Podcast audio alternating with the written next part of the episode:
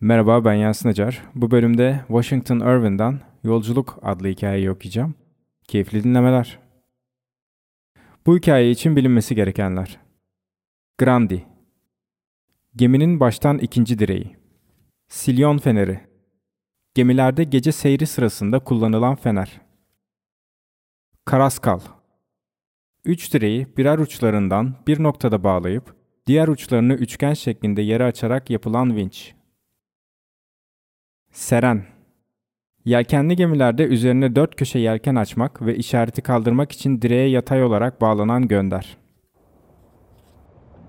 Gemiler, gemiler, resmedeceğim sizi. Okyanusun ortasında. Geleceğim ve yoklayacağım sizi. Neyi saklıyor ve tasarlıyorsun? Maksadın ve hedefin ne?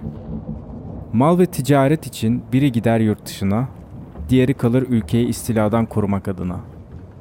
Değerli ve varlıklı bir kargo ile bir üçüncüsü gelir yurda. Hey, hayalim, nereye gidersin? Bir Amerikalı Avrupa ziyareti için uzun bir yolculuğa mükemmel bir hazırlık yaptığından emin olmalıdır. Dünyevi manzaraların, geçici yokluğu ile çalışmaların yeni ve güçlü izlenimlerini almak adına alışılmışın dışında donatılmış bir haleti ruhiye üretimi. Varlığını sürdüren boş bir sayfa gibidir. Yarı küreleri, suların uçsuz bucaksız açıklığıyla birbirinden ayıran.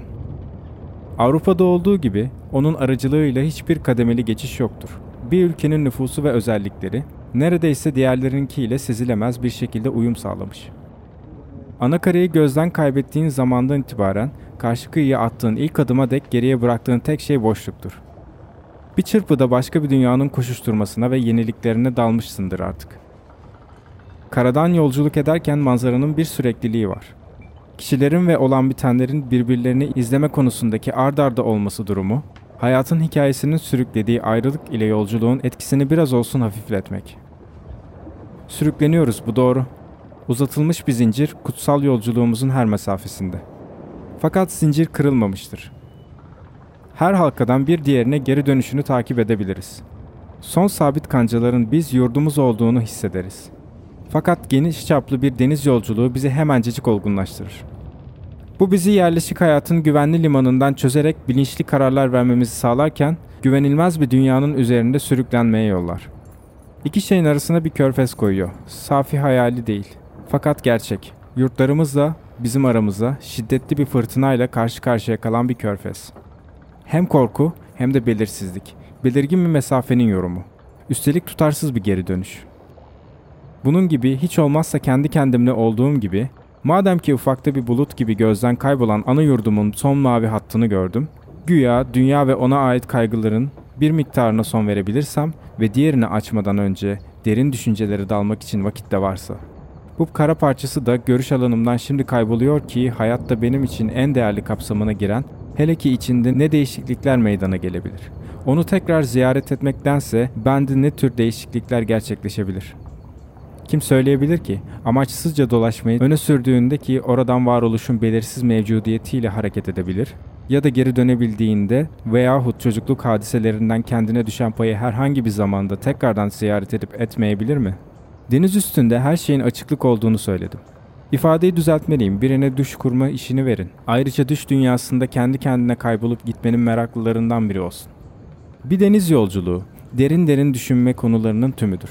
Fakat öte yandan denizin harikalarıdır. Hem havanın hem de daha ziyade dünyalık içerikten soyut zekaya eğilimlidir. Yarım ay şeklinde bir korkuluğun üstünde aylakça zaman harcamaktan memnunum. Ya da Grandi çanaklığına tırmanmaktan, sakin bir günde, hep birlikte bir yaz denizinin sakin bağrında saatlerce düşünceye dalmak. Yalnızca ufkun üzerine bakarken altın bulut yağınları üstüne gözünü dikmek. Bazı peri alemlerini düşlemek, üstelik insanların kendine ait bir yaratılışla. İnişli çıkışlı büyük ve nazik dalgaları seyretmek. Gümüşten yoğunlukları yuvarlanıyor, o mutlu kıyılarında gittikçe kaybolmuşçasına. Korku ve korkusuzlukla karışık hoş bir duygu vardı. Derinliklerin tuhaf bir şekilde zıplayıp oynayan canavarlarına. Baş döndürücü bir yükseklikten aşağıya doğru baktım. Büyük bir domuz balığı sürüsü geminin pruvası civarında taklalar atıyor Katil balinanın devasa vücudu denizdeki dalgaların kaldırma kuvvetiyle yüzeyin bir üstüne bir altına doğru yavaşça hareket ediyor. Ya da açlıktan gözü dönmüş bir köpek balığı ani bir hızla bir heyula gibi masmavi suların arasına giriyor. Altımdaki sulu dünyadan okuyup duyduğum tüm imgelemim hakkında hayal kurmak istiyorum. Dipsiz vadilerini gezip dolaştığım yüzgeçli hayvan sürülerinin, yeryüzünün temelleri arasında pusuda bekleyen şekilsiz canavarların, ayrıca balıkçılar ile denizcilerin şişirerek anlattıkları hikayelerindeki o acayip hayaletlerin hakkında. Bazen uzak bir denize açılmak, okyanusun kenarı boyunca süzülerek gitmek, havadan sudan bir avareliğin başka bir temel motifi olacak. Dünyadan kırılmış bu parça nasıl da ilginç. Varoluşun muazzam kitlesine kavuşmak için hızlanıyor. İnsanoğlunun yaratıcılığının ne kadar da muhteşem bir anıtı. Sanırsın ki dalga ve rüzgar üstüne zafer kazanmış. Duygu ve ortaklığının içine dünyanın uçlarını getiriyor. Tanrı'nın lütuflarının bir değiş tokuşu tesis edilmiş. Güneyin tüm lüksleri kuzeyin verimsiz bölgelerine döküldüğünde ekilebilir hayatın hayratı ve bilginin ışığı yayılmıştı. Bunun içindir ki insan ırkının bu dağınık bölümü birbirlerine bağlanmış durumdalar. Bunların arasındaki doğa, üstesinden gelinemeyen, ortaya konulmuş bir engel gibi görünüyor. Bir gün uzak bir mesafede sürüklenen şekilsiz nesneler fark ettik. Denizde, çevredeki enginlikte dikkatleri üzerine toplayan hemen her şey monotonluğu kırar. Bunun tamamen harap durumda bir gemi anı direği olduğu kesinleşmişti. Kumaş kalıntıları vardı. Mürettebattan bazıları vasıtasıyla kendilerini bu ağaca belden bağlamışlardı. Dalgalar tarafından ıslatılmayı engellemek adına. Geminin içinde adının doğrulanabileceği bir iz yoktu. Enkaz besbelli aylardır sürükleniyordu. Etrafına kabuklu deniz hayvanları kümeleri sarılmıştı. Ayrıca uzun deniz yosunları kendi taraflarında azametle dalgalanıyorlardı. Peki mürettebat nerede diye düşündüm. Mücadeleleri uzun süreli olmuştu. Şiddetli fırtınanın gümbürdemelerinin ortasında aşağı doğru kaydılar. Derinliğin mağaraları arasında uzanan kemikleri beyazlaştı. Sessizlik, kayıtsızlık dalgalar gibi onların üzerlerine kapanırken hiç kimse onların sonlarının hikayesini anlatamadı. Sürüklenen o gemiden sonra nasıl da iç geçirildi. Evin ıssız ocak başında ne dualar edildi. Ne sıklıkla ev sahibesi, eş, anne günlük haberleri taradı. Bu engin gezginle ilgili bir miktar sıradan bilgi yakalayabildi. Endişe içindeki beklenti nasıl da iç karartıcı, dehşet korku içinde endişe. Umutsuzluk içinde dehşet, korku. Hiçbir hatıra, sevgiyle muamele etmek için asla aşka dönüşmeyebilir. Tüm bunlar asla bilinmeyebilir, limanından yelken açtı. Hakkında hiçbir şekilde daha fazlası duyulmadı. Bu enkazın görünüşü, her zaman olduğu gibi birçok iç karartıcı hikayeciye sebebiyet verdi. Bu durum özellikle de akşam oldu. Hava ki şu ana dek açık ve güneşli olmuştu, fırtınalı ve tehditkar görünmeye başladı. Apansızın bastıran fırtınalardan birinin yaklaştığını ve sükunetin içinde geçen bir yaz yolculuğunun üzerine çökeceğinin sinyallerini vermeye başladı. Kamerada bir lambanın cansız ışığının çevresinde oturduğumuz gibi ki karanlığı daha dehşetli yapıyordu, Herkesin deniz kazaları ve felaketleriyle ilgili bir hikayesi vardı. Özellikle de kaptanla ilgili olan kısa bir tanesine adeta vurulmuştum. Bir keresinde denize açıldığım gibi diyerek devam etti. Newfoundland'ın kıyılarının bir yanında diğer tarafına geçen zarif ve dayanıklı bir gemideydim. O koyu sislerden birinin içerisindeydik. Sisin hüküm sürdüğü bir ortamda gündüz gözüyle bile burnumuzun ucunu görebilmemiz imkansız. Ayrıca geceleyin de hava sisli ve yoğun haldeydi. Geminin uzunluğunun iki katı kadar olan herhangi bir nesnenin ayırdığını yapamayacak durumdaydık. Direğin başındaki ışığı silyon fenerini tuttum. Ayrıca canlı balık tutan balıkçı teknelerini gözetmek için ileriye doğru aralıksız bir izleme vardı ki kıyılara çapayla bağlı olmaya alışkındırlar. Rüzgar capcanlı bir deniz mertemeni estiriyorken suyun içinde yüksek bir süratle yol alıyorduk. Gözce aniden hemen önümüzde bir teknenin seyrettiği ile ilgili tehlike işareti verdi. Önümüzdekinin üstüne çıkmadan hemen önce bu uyarıyı güç bela ağzından çıkarabilmişti. Önümüzdeki iki direkli bir yelkenliydi. Demir atmıştı. Teknenin bordası bize doğruydu. Bütün ekip uykudaydı ve Karaskal ile bir ışığı yukarı çıkarmayı ihmal etmişlerdi. Gemiye neredeyse tam orta yerinden vurduk. Dalgaların altındaki gövdesini içinde bulunduğumuz geminin kuvveti, boyu ve ağırlığı ile deldikten sonra önümüzdekinin üstünden geçip aceleyle kendi rotamıza döndük. Enkaz ona çarptığımız gibi altımızda su alıp batmaya başladı. Bir an için kameralarından telaşla kaçan yarı çıplak iki ya da üç bir çare görür gibi oldu. Dalgaların arasında yutulup giden yataklarından çığlıklar içinde henüz ayağa sıçramışlardı. Boğulurkenki çığlıklarının rüzgarla birbirine karıştığını duydum. Gemiyi deldiğimizdeki patlama sesi, öteki tüm işitilen şeylerden kulaklarımızı silip süpürdü. O ağlama sesini asla unutmayacağım. Gemi ona yön değiştirdiğimizden hemen önceki normal bir geminin ilerleme hızıyla dibe doğru iniyordu. Geri döndük. Yaklaşık bir tahminde bulunarak balık tutan teknenin demirli olduğu yere. Yoğun sisin içinde birkaç saat arama yaparak yol aldık. İşaret fişeğini ateşledik ve herhangi bir kurtulanın bağırışlarını duyabiliriz diye dinlemeye başladık. Fakat her yer sessizlik içindeydi. Onlardan geriye kalan ne bir şey gördük ne de bir ses işittik. Bu hikayeleri itiraf ettikten sonra bir süre tüm hoş imgelemlerime bir son koyuyorum.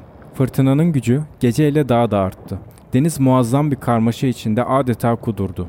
Bir endişe vardı. Sıçrayan ve çöken dev dalgaların iç karartıcı sesi. Deniz derinlere doğru çağırdı. Zaman zaman şimşekler yüzünden bulutların kara yoğunlukları birbirinden ayrı parçalar halinde yer tutup köpüren dev dalgalar boyunca titreşerek karanlığı iki katı korkunç yapmayı başarıyordu. Delişmen ve kasvetli sular üstünde gök gürültüleri kükrerken dağ gibi dalgalar yankılanarak uzayıp gidiyordu. Gördüğüme göre gemi kükreyen mağaralar arasında sarsılarak bir dalıyor, bir çıkıyordu. Gemi mucizevi şekilde eski dengesini tekrar geri kazanmış ya da en azından yüzme özelliğini koruyor gözüküyordu. Yelkenli geminin sereni suyun içine dalmak istiyordu. Yelkenlinin pruvası neredeyse dalgaların altına gömülüydü. Bazen yaklaşan dev bir dalga gemiyi alt etmeye hazır gibi görünürken onu büyük bir darbeden yalnızca dümen yekesinin ustalıklı bir hareketi koruyordu. Kamerama dinlenmeye çekildiğimde korkunç bir görüntü hala beni takip ediyordu. Geminin donanımından dolayı rüzgarın ıslığı hüzünlü bir inilti gibi ses veriyordu. Gıcırdayan direkleri, gemi bölmelerinin iniltileri ve nameleri, yorulmasına rağmen kabarıp yuvarlanan denizde müthişti. Geminin kenarları boyunca sıçrayan dalgaları duyduğum gibi kükremeleri de kulağıma dolmuştu. Ölüm bu yüzden hapishanenin etrafında öfkeli görünüyordu. Adeta avını araştırıyordu. Sade bir çivinin ilk hareketiyle tahtaların arasındaki boşluk, ölümün girişinin ağırlığı altında esneyebilirdi. Güzel bir gün, her neyse. Sakin bir denizle ve hafif esintinin yardımıyla yakında tüm bu iç karartıcı yansımaları menzile koyar.